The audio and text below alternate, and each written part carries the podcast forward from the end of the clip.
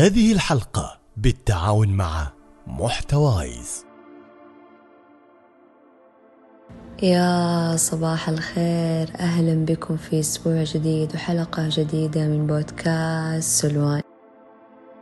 طبعا قبل ما أبدأ في موضوع الحلقة أبغى أتكلم وأعبر عن قد إيش أنا جدا جدا ممنونة ومبسوطة بتفاعلكم في كل مكان وتعليقاتكم وكلامكم والله العظيم إنه يعطي الواحد دافع إنه هو يقدم أفضل ما عنده بس عشان يكون عند حسن الظن يعني أنا دحين صرت أحس بالمسؤولية قبل ما أختار الموضوع أو قبل ما أتكلم عن الموضوع إنه طب هل أنا بأدي صح؟ طب هل الموضوع بيكون بيعجبهم؟ طب عشان أنتوا مرة يعني تحبون البودكاست وتحبون الإلقاء تحبون كل حاجة في بودكاست سلوان فأنا أبغى بودكاست سلوان يكون عند حسن ظنكم أبغى في كل حلقة يعني تعجبكم أكثر من الحلقة اللي قبلها واللي قبلها واللي قبلها. وغير كذا أنا جدا مبسوطة بمشاركاتكم الصوتية. يعني والله العظيم إني لما أسمع المشاركة مو واحدة ولا اثنين الكل يعني ودي أقول لكم يلا أنتوا سجلوا الحلقة يعني أنا ما بتكلم أنتوا تكلموا لأنه كيف الكلام منمق؟ كيف الأسلوب لبق؟ كيف الإلقاء رائع؟ يعني أنا متأكدة إن كلكم ينتظركم مستقبل باهر باهر سواء أنتوا تحبون الإلقاء بودكاست إذاعة أي حاجة أي حاجة. أنتوا راح ينتظركم مستقبل لأن تعرفون كيف توصلون المعلومة. صوتكم جدا مريح أسلوبكم مرة لبق في الكلام. فأنا جدا جدا جدا ممتنة لهذه المحبة. ومرة أسعى أني أكون عند حسن الظن دائما. عسى أن تكرهوا شيئا وهو خير لكم. كل حاجة تصير معانا في الحياة خيرة سواء حاجة حبيناها ما حبيناها زعلنا إنه هي ما صارت ضايقنا إنه هي ما صارت كل شيء خيرة في ناس كثير مؤمنة بذا الشيء من بدري يعني هي من بدري مستشعرة إنه كل شيء يصير خيرة يعني حتى لو صار شيء ما كانت تبغاه ما كانت تتمناه أو كانت تبغى شيء ثاني هي مؤمنة إنه خيرة. وفعلا تقول خيرة وما تزعل. في ناس لا. يعني بعد ما يمرون بظرف معين بحاجة معينة يقول إي والله خيرة وكويس إنه ما صار. لكن في النهاية مهما يعني اختلفنا هو في النهاية بيكون خيرة. أي شيء يصير يعني أنت تمنيتي وظيفة معينة صارت لك وظيفة ثانية خيرة. أنت تمنيتي تخصص معين وصار لك تخصص ثاني خيرة يعني حتى فقدك العزيز رغم إن الكلمة مرة هي تزعل. وأنا أكثر يعني شخص يعني أحس قد إيش هي تزعل بس هي خيرة. يعني لما تفكري فيها إنه أنت فقدك للشخص هذا اللي ليش خيرة؟ طبعا أتكلم عن الفقد اللي بالموت مو الفقد العادي. كان مرة تعبان ربي يبغى يريحه من تعبه فهو خيرة. يمكن لو قعد أكثر بيتعب أكثر يتألم أكثر فهو خيرة. ربي يباكم تعتمدون على نفسكم توقفون على نفسكم. تنفتح لكم آفاق ثانية في الحياة فهو خيرة.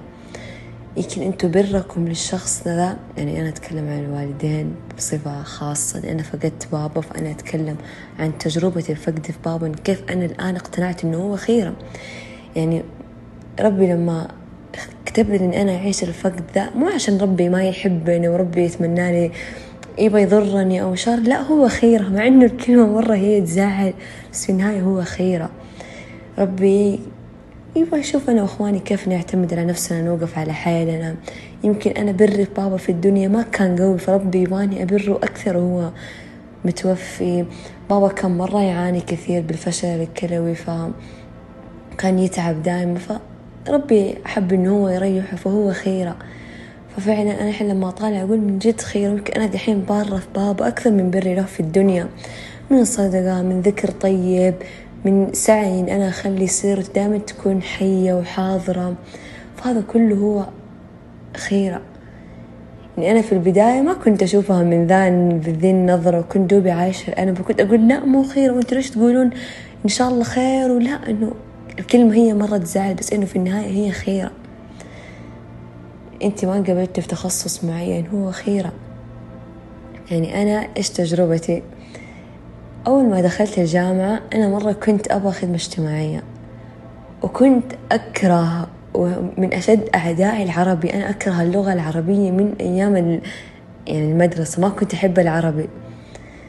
فسبحان الله أنا انقبلت أول ترم عربي. طبعا أنا وقتها مرة اندمرت وتحطمت و... أنا كيف حأمشي في العربي؟ كنت كل ما أروح الجامعة منهارة وأبكي أنا مرة ما أحب العربي.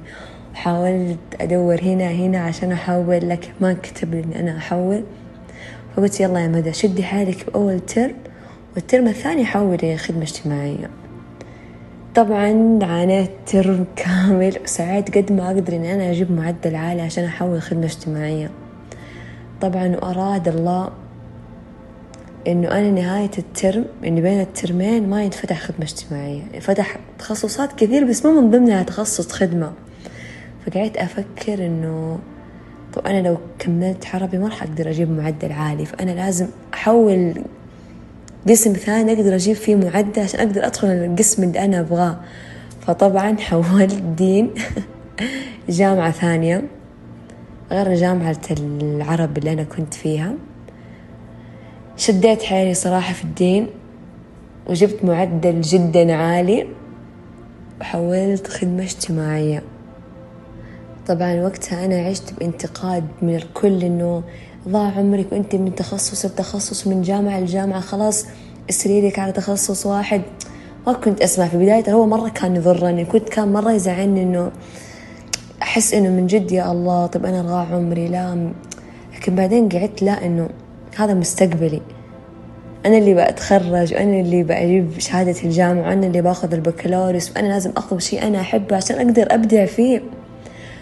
ففعلا درست دين ترم كامل وجبت معدل عالي وحولت خدمة اجتماعية والآن أنا تخرجت من الخدمة الاجتماعية. تحل لما أفكر إنه خيرة.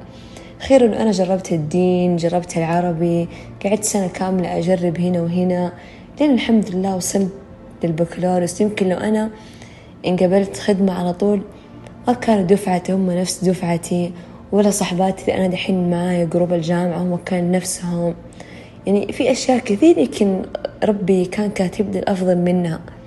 عشان كذا أنا أقول إن هو كل شيء خيرة. في البداية إحنا بنزعل وبنتضايق وبيمكن نبكي ونتحطم. لكن فعلا ربي ما راح يكتب لي شيء مو خيرة. في النهاية الخيرة فيما اختاره الله. يمكن وظيفتك هذه مو كويسة لك. المدير مو كويس الموظفين مو مو كويسين. ما راح تزيد لك الوظيفة ذي شيء في السي في حقك. فهي مو خيرة. يمكن التخصص ذا مهما سعيت إنه أنت تبغينه ما توصلي له لأنه هو مو خيرة. فربي يبغاه يبعدوا عنك يبعدوا عنك. يمكن أنت ما كنت بتنجزين في التخصص ما حتجيبين معدل ما راح تحبينه. في النهاية هو خيرة. والخيرة عمرها ما كانت محصورة بشيء معين أو موقف معين. الخيرة لازم نستشعرها إنه هي بكل شيء في تفاصيل حياتنا. يعني حتى لما تصير لك مشكلة تعرضت لمشكلة أي شيء أي مشكلة لازم تستشعرون إنها خيرة. يعني أوقات أنت مرة تكوني بعيدة عن ربك أوقات مرة تكوني قاعدة تسوي ذنب مرة كبير أو إنك تكوني إن أنت في وقتها ما تحسين إنه هو ذنب أو إنه هو غلط. في النهاية لما تتعرضين للمشكلة زي اللي ربي يبغاك ترجعي له يبغى يوعيك إنه هي غلط إنه هي ذنب فربي يبغالك تتقربين له أكثر. فمن جد وقتها تستشعرين إنك انت كنتي غلط كنتي على ذنب كنتي على معصية وانت ما كنتي عارفة وقتها. فلما صارت لك المشكلة ربي فتح لك عينك على آفاق كثيرة إنه أوف أنا كيف كنت في الذنب الكبير هذا؟ أنا كيف عشت هذا الشيء؟ أنا كيف مدري إيش؟ فربي يبي يقرب لك هو. يعني أوقات من مواقف صغيرة صغيرة صغيرة ما ما تعرفين إنه هي غلط أو ما تنفتح لك عينك على غلطك. سبحان الله. الإنسان لما ينضرب على رأسه يصحى ويستوعب إنه هو كان يسوي غلط. فلما تصير لك مشكلة تعرفين إنه هي غلط. وإنه هي كانت ذنب مرة كبير. وإن ربي لما كتب لك تعيشين ذا الظرف وذي المشكلة عشان ربي يبغى يوعيكي إنه هو ذنب. يباك ترجعي له يباك تتقربين منه. يعني سبحان الله يا بنات كيف ربي عمره؟ يعني كل شيء يصير إنه هو ربي وقتكم ترجعون له. كيف ربي يحب عبده لدرجة إنه هو بتفاصيل كثيرة في يومه وفي حياته يوعيه إنه هو غلط. من موقف بسيط بسيط بسيط بسيط بسيط بسيط لين ربي يكتب لك إنك أنت تعيشين ذي المشكلة الكبيرة في نظرك لكن في النهاية عشان أنت بس ترجعين لربي. إنك أنت زي إنك أنت تكوني ماشية في طريق خطأ خطأ خطأ خطأ خطأ خطأ كذا في منحدرات. في النهاية ربي يكتب لك شيء مشكلة في نهاية الطريق المنحدر عشان ترجعين للطريق المستقيم. أوقات حتى الناس اللي في حياتنا إحنا مرة نحبهم ومرة نعزهم ومرة بيننا ذكريات وأيام مرة حلوة. ولما كذا تصير مشكلة بيننا وننفصل عن بعض أو خلاص ننتهي عن بعض نزعل وقتها وكل شيء لكن بعدين نبدأ نستشعر إنه هي خيرة. يعني لو كان خيرا لبقى. يعني الشخص ده لو كان مو شرط إنه هو يعني أنا يمكن أنا ماني خير له ليش دائما إحنا محصورين إنه طب يمكن خلاص هو مخلية. هو كان بيضرني. ليه؟ ليه دايما نحط الضرر على الطرف الثاني. يمكن حتى إحنا. يمكن أنا ما كنت بضيف شيء للطرف الثاني وأنا كنت شر له أو أنا ما كنت خير له. ففي النهاية مو مهم مين آه، الشر للطرف الثاني ومين كان خيرة للطرف الثاني.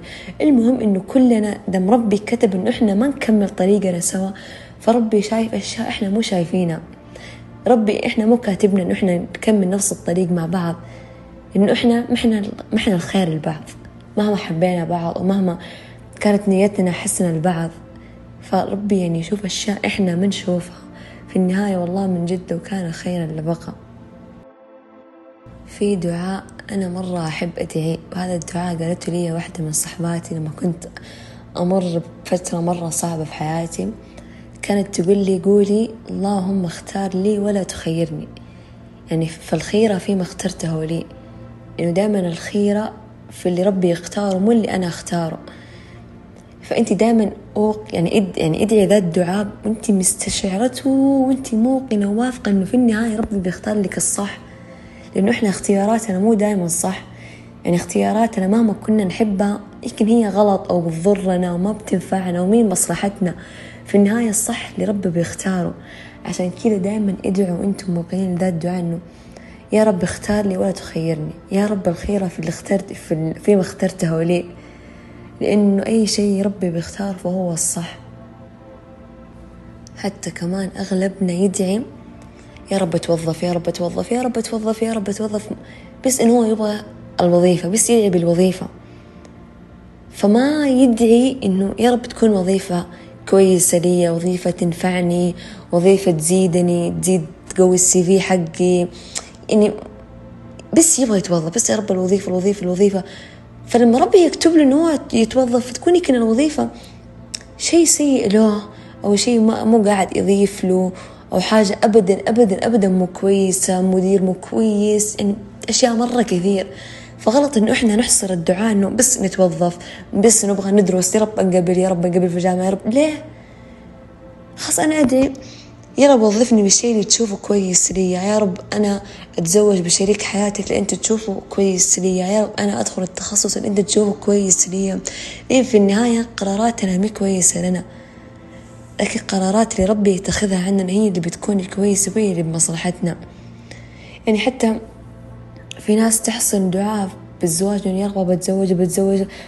وفي النهاية يطلع شريك حياتها مو كويس لها ومو متوافقين وفترة معينة وخلاص ينفصلون عن بعض وكل شيء. طيب انك أنت ما ما حطيتي دعائك في نقطة معينة بس دعيت إنه أنت تبغين ذا الشيء يجي لكن لا. يا رب يكون زوجي كويس يا رب إحنا نكون متوافقين يا رب أنا مرة وظيفتي تكون كويسة لي وفي مكان كويس ومرتب. مكان يزيد يقوي السي في حقي. يا رب إنه أنا أنقبل في جامعة كويسة مدرسين كويسين تخصص مرة كويس. حلو إننا نستشعر الخير بكل تفاصيل حياتنا الصغيرة والكبيرة. يصير أي شيء يصير في حياتنا ما نقعد نبالغ فيه ونأوفر ونكبر وخاصة نكون موقنين إنه خيرة. أنا صار لي كذا خيرة أنا تعرضت لذا الموقف خيرة أنا ما انقبلت هنا خيرة خيرة خيرة. أنا عشت مرتاحة في حياتي كلها غير لما كذا صار عندي يقين إنه كل شيء خيرة. أي شيء يصير في الحياة خيرة تعرضت لمشكلة أقول أي والله خيرة. أنا صار لي كذا أي والله خيرة. أنا رحت المقابلة شخصية وما انقبلت خيرة. أنا رحت أي شيء خيرة يعني حتى ما أقول إنه هم ما كانوا بيزيدوا لي هم ما كانوا خير لا. أقول أنا من الخيرة لهم يمكن أنا مو خير لهم. فخلاص أنا صرت موقنة إنه كل شيء في الحياة خيرة حتى لو تصير مشكلة بيني وبين أحد من صحباتي أو بيني وبين شخص معين أقول خيرة. يعني لو ربي كاتب إنه صاحبتي هذه هي مرة كويسة لي وإحنا مرة كويسين لبعض إنه بنتفاهم وبنتصالح وبنكمل. لو صاحبتي هذه إحنا مو كويسين لبعض ما خلاص إحنا ما راح نكمل فما راح أزعل. يعني بزعل حق العشرة لكن في النهاية هو خيرة. لأن صرت على يقين إنه ربي بيكتب لي كل شيء خيرة في الحياة. ربي كاتب لي الأفضل. يعني الأفضل مو اللي أنا أقرره واللي أنا أتمناه واللي أنا أبغاه لا. الأفضل اللي هو ربي كاتبه لي. مهما عشت أشياء سيئة في حياتي فهي خيرة. مهما تعرضت لمشاكل في حياتي فهي خيرة. مهما انكسرت مهما عانيت مهما بكيت مهما عشت ليالي صعبة فهي خيرة. يعني حتى أنا دحين دائما أفكر لو أنا ما صار لي كذا وكذا وكذا وكذا وتعرضت لكذا وكذا وكذا يمكن ما كنت يعني الشخص اللي أنا عليها اليوم هو خيرة. يعني أنا لو ما مريت بذيك التجارب والمنعطفات والأشياء الصعبة اللي أنا عشتها ما كنت أنا مدى دحين. ف يعني لما طالع أقول أوف قديش خيرة. يعني مو بس قديش خيرة إنه أنا بس إنه أنا تقربت لربي أكثر صرت قريبة من ربي أكثر.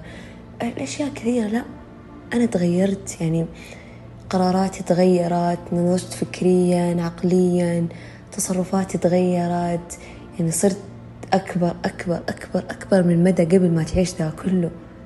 ففعلا هذا خيرة. كل شيء يصير في الحياة بيفتح عينك على أشياء كثيرة.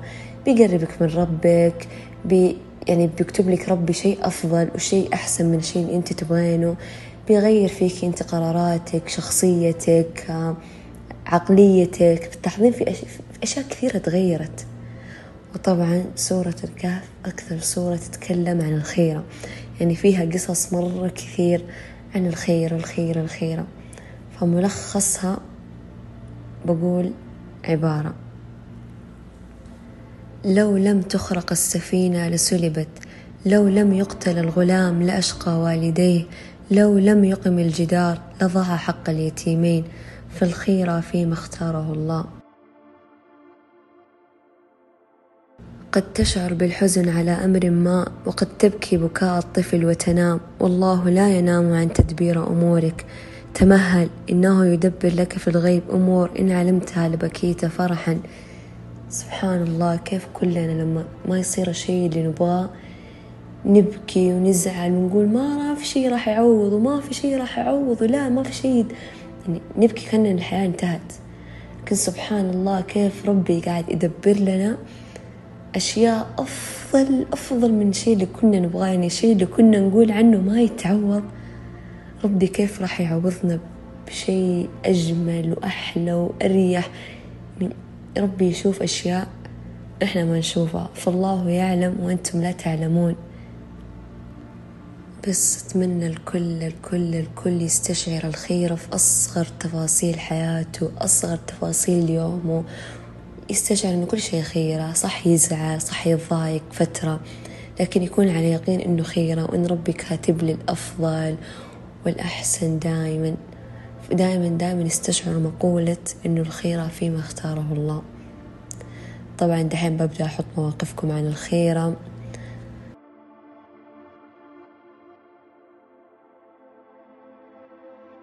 السلام عليكم. يا مرحبا بالجميع. حللتم سهلا ولقيتم أهلا وجعل الله حياتكم أسعد يا رب.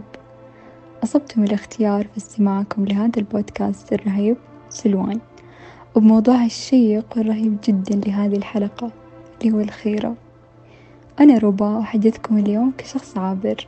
حابة أذكر موقفي وأمشي حتى يستفيد أكبر قدر ممكن من الناس.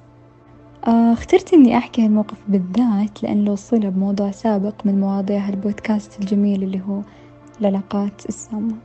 أؤمن إنه إذا مو الكل الأغلب في نظري مر بعلاقات أو علاقة واحدة على الأقل كانت سامة في حياته.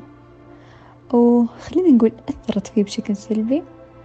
فأنا موقفي عبارة عن علاقة كانت آه، صديقة قريبة جدا مني يعني كانت علاقتنا رائعة جدا يعني حكاوي ضحك خرجات وما إلى ذلك يعني علاقة عفوية. إلين ما جا يوم أمسك جوالي وأحصل منها رسالة محتواها أعتقد إني مستحيل أنسى محتوى الرسالة كانت كاتبة مع السلامة وانتبهي لنفسك وأحصل حافتني حرفيا بهذه البساطة. طبعا أنا الآن أضحك لأني أقول الحمد لله إن هالموقف حصل لي بحياتي وبس فما أقدر وقتها يعني أعبر عن شعوري وعن صدمتي وعن مدى إحساسي بالانكسار لأنه بالبداية توقعت إن الموضوع مجرد مقلب. يعني كيف كذا فجأة وإيش السبب؟ يعني هل أهلها مانعينها تتواصل مع صديقاتها؟ هل تزوجت؟ زوجها منعها؟ وألف سؤال سؤال يدور ببالي وفعلا قررت إني ما أترك نفسي لها تساؤلات لأن طبيعي جدا إني راح أحاول أتواصل معاها وأسألها أحاول أعرف إيش فيه هل أنا قصرت بحقك هل غلطت عليك هل سمعت يعني شي مو كويس؟ وكنت عارفة إنه ولا شي من هذه الأشياء بس للأسف يعني ما قدرت أخذ منها أي كلمة غير ظروف. تقول لي ظروف الحياة فقط. وأثر الموضوع فيني بشكل جدا سيء. لأني إنسانة كتومة بطبعي وما حد يعرف الموقف هذا حرفيا إلا شخص واحد. وأتوقع هالشي كان غلط لأن الكتمان شي غير صحي أبدا و أعتقد لهذا السبب كانت ذيك الفترة سيئة جدا بحياتي وكنت متضايقة دايما وأحس بشعور إنه ولا شي حولي حلو والوقت ما هو قليل طبعا يعني إلين ما جات اللحظة اللي كنت أنتظرها من زمان وحسيت فيها من جد إنه الحمد لله على هذا الموقف. الحمد لله إنه صار لي وأشكر ربي مليون مرة لأنه علمني أشياء كثيرة جدا بالمعنى الحرفي كان خيرة. فمن بعد هالموقف صرت أمشي على مبدأ تسطيح العلاقات لأن التعمق في العلاقات أيا كان نوعها مو شي دائما كويس. وكنت أثق بسرعة في الأشخاص صرت ما أثق بسهولة. يعني فضل الله ثم فضل هالموقف. فذكرت مقولة مخرج الرسوم المتحركة مايكل دانتي لما قال لا تندم على معرفة أي شخص فأفضل الناس يعطونك ذكريات والجيدون يعطونك سعادة والسيئون يعطونك تجربة أما أسوأ الناس يعطونك درسا بالطبع يعني أنا كذا استفدت من هذا الموقف إنه كان درس بحياتي لا محال إني بمر فيه ومريت فيه وتعلمت منه الحمد لله. ففي النهاية استشعر الشيء الإيجابي من جميع المواقف السيئة اللي بتمروا فيها واعتبروها خيرا شكرا جزيلا على حسن استماعكم. إن شاء الله تكونوا استفدتوا. وإن شاء الله إني كنت خفيف عليكم. يا مرحبا وحبا بالجميع. أنا من ثلاث سنوات ونص تقريبا درست ثانوية عامة مسار علمي. وكنت حاطة في بالي إنه لما أكمل دراستي في الجامعة راح أدرس مسار صحي أو مسار تمريض. يعني كنت مرة حابة الطب بشكل مو طبيعي ف سبحان الله معدلي ما سمح لي إنه أدخل هذا المسار. فانقبلت بإحدى الجامعات مسار إنساني. ما تقبلت الموضوع في البداية إنه كيف أدرس في الثانوي علمي وأدخل الجامعة أدرس إنساني. فسبحان الله لما دخلت هذا هذا المسار حاولت بشتى الطرق. حاولت أكثر من سبع مرات إني أغير تخصصي سبحان الله ما انقبلت بأي شيء ثاني. فلعل الله يحدث بعد ذلك أمره أنا اقتنعت بهذا الشيء. ليش؟ لأنه سبحان الله أنا كنت حاطة في بالي تمريض أو مسار صحي. فلما أشوف نفسي حاليا لما تواجهني مواقف أو مواقف قدامي علة صحية بأحد الأشخاص اللي قدامي سبحان الله ما يعني ما أعرف أتو... ما أعرف أتصرف يعني. فكثير أشخاص يشوفون أنفسهم قادرين على شيء وربي أعلم أنهم يعني عندهم إمكانيات بشيء آخر تماما. ف يعني اقتنعت أنه ربي ردني عن التخصصات اللي حولت لها انه خيرة سبحان الله ربي كاتب لي الشيء اللي أنا يناسبني أنا. فاي شيء يردك يا عزيزتي المستمعة. أي شيء أي شيء كنت متعلقة فيه. وردك ربي اعرفي إنها خيرة وربي عارف أنت إيش يناسبك أو إيش الشيء اللي ممكن يصلح لك يعني. ف دائما لعل الله يحدث بعد ذلك أمره وكوني مؤمنة وراضية بقضاء الله وقدره دائما. كنت طفلة أحب العلم والتعلم. أيام الحب. حتى أني كنت أفضل أتعلم شيء جديد عن أني ألعب مع طفل آخر. كنت مهووسة ومتلهفة لفكرة أني أروح المدرسة وأتعلم كل يوم شيء جديد وأقابل ناس مختلفين منهم الزين ومنهم الشين. وشئت وشئت وشاء الله وكانت الخيرة فيما اختار. ما انقبلت في المدرسة أول سنة والسبب غير معروف والتبرير غير موجود. كان تحطيم جدا قوي وواقع قاسي إني أشوف كل اللي بعمري رايحين يتعلموا ويستكشفوا وأنا في البيت. جات السنة اللي بعدها وما انقبلت بحجة إني كبيرة. راح علي القطار غالبا لكن صارت معجزة. فعلا أقدر أسميها معجزة. انقبلت. والخيرة الحقيقية لمستها طول مسيرتي الدراسية ليومكم هذا. شاء ربي أني أكون مع صديقات أقرب لعقليتي وتفكيري. وفي كل مرحلة كنت أجد ناس أرواحهم تشبهني بينما في كل مرحلة كنت على خلاف مع الدفعة اللي أنا المفروض أكون معاهم. ما كنت أتقبل تصرفاتهم ولا عقليتهم ومتأكدة كنت راح أعاني من تكوين أي صداقة لو كنت بينهم. فشاء الله أن يجمع روحي مع أرواح تليق بي وأليق بهم. خيرة. كل حدث يمر في حياتنا اليومية هو خيرة. سواء جميل أو حدث مزعج. أنا ريماس حبيت أشارككم حدث جدا كبير وعظيم حصل في حياتي مع بودكاست سلمان أولا أحب أقولكم أن الله تعالى لم يبعث فينا شعور من أيا كان عبث إلا وله مصلحة كبيرة علينا. شعورك بعدم الراحة مع شخص أو مكان أو ذكرى مع الرغم أنك متعلق فيها أو تحبها ضروري أنك تغادرها لأن هذه نفسك أنت. أنت اللي عايش فيها وأنت اللي تتصارع معاها. مو من الضروري أنك تبدي الأشخاص والأماكن من الذكرى الأولوية. ما أبي أطول عليكم بالمقدمة بس بحكي لكم قصتي على طول. قبل سنتين أنا ريماس شخص مسالم ما يهمني إلا المهم.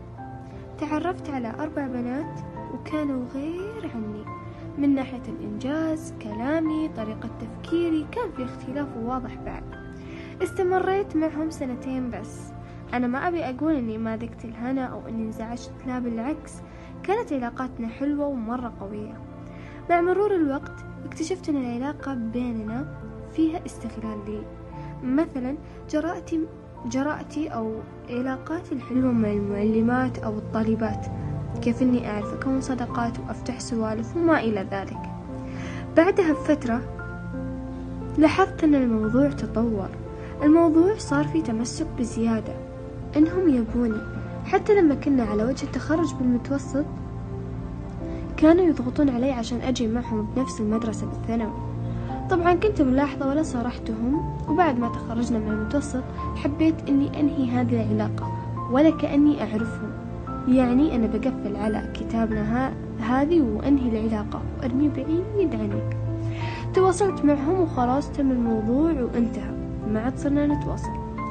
جاني بعدها شعور وحسيت إني شخص ناقص. ريماس الأولانية تغيرت مرة. ما كان معجبني الوضع ولا كنت حابته. كنت أحاول إني أغير نفسيتي وأجلس وأهدي نفسي إنه عادي أنا أقدر أرجع زي قبل. بدينا سنة أول ثانوي. وطبعا الفرق الكبير اللي حدث بحياتي هنا. هنا انقلبت الآية وعادت, وعادت الميال مجاريها.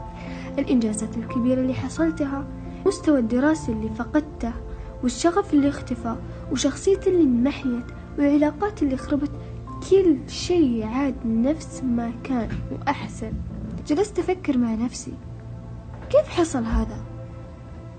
ليش حدث كل هذا بحياتي؟ إيش معنى البنات هذولي هم؟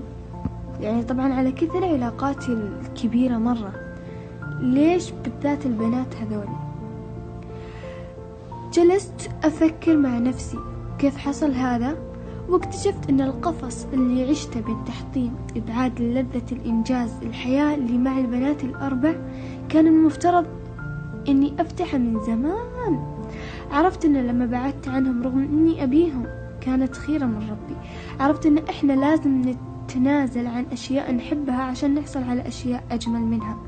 نترك عادات كثيرة نبيها ونستبدلها بعادات أجمل. قصتي جدا مختصرة واللي أحب أقوله بالنهاية إن لازم تتقبل مين أنت لازم تعرف مين أنت ليه أنت موجود. لازم تعرف إنك مو تبع أي شخص أنت تبع اليوم وتفكيرك ومنطقك وتعمل الشيء اللي يريحك. كانت معكم مدى الخطابي في بودكاست سلوان.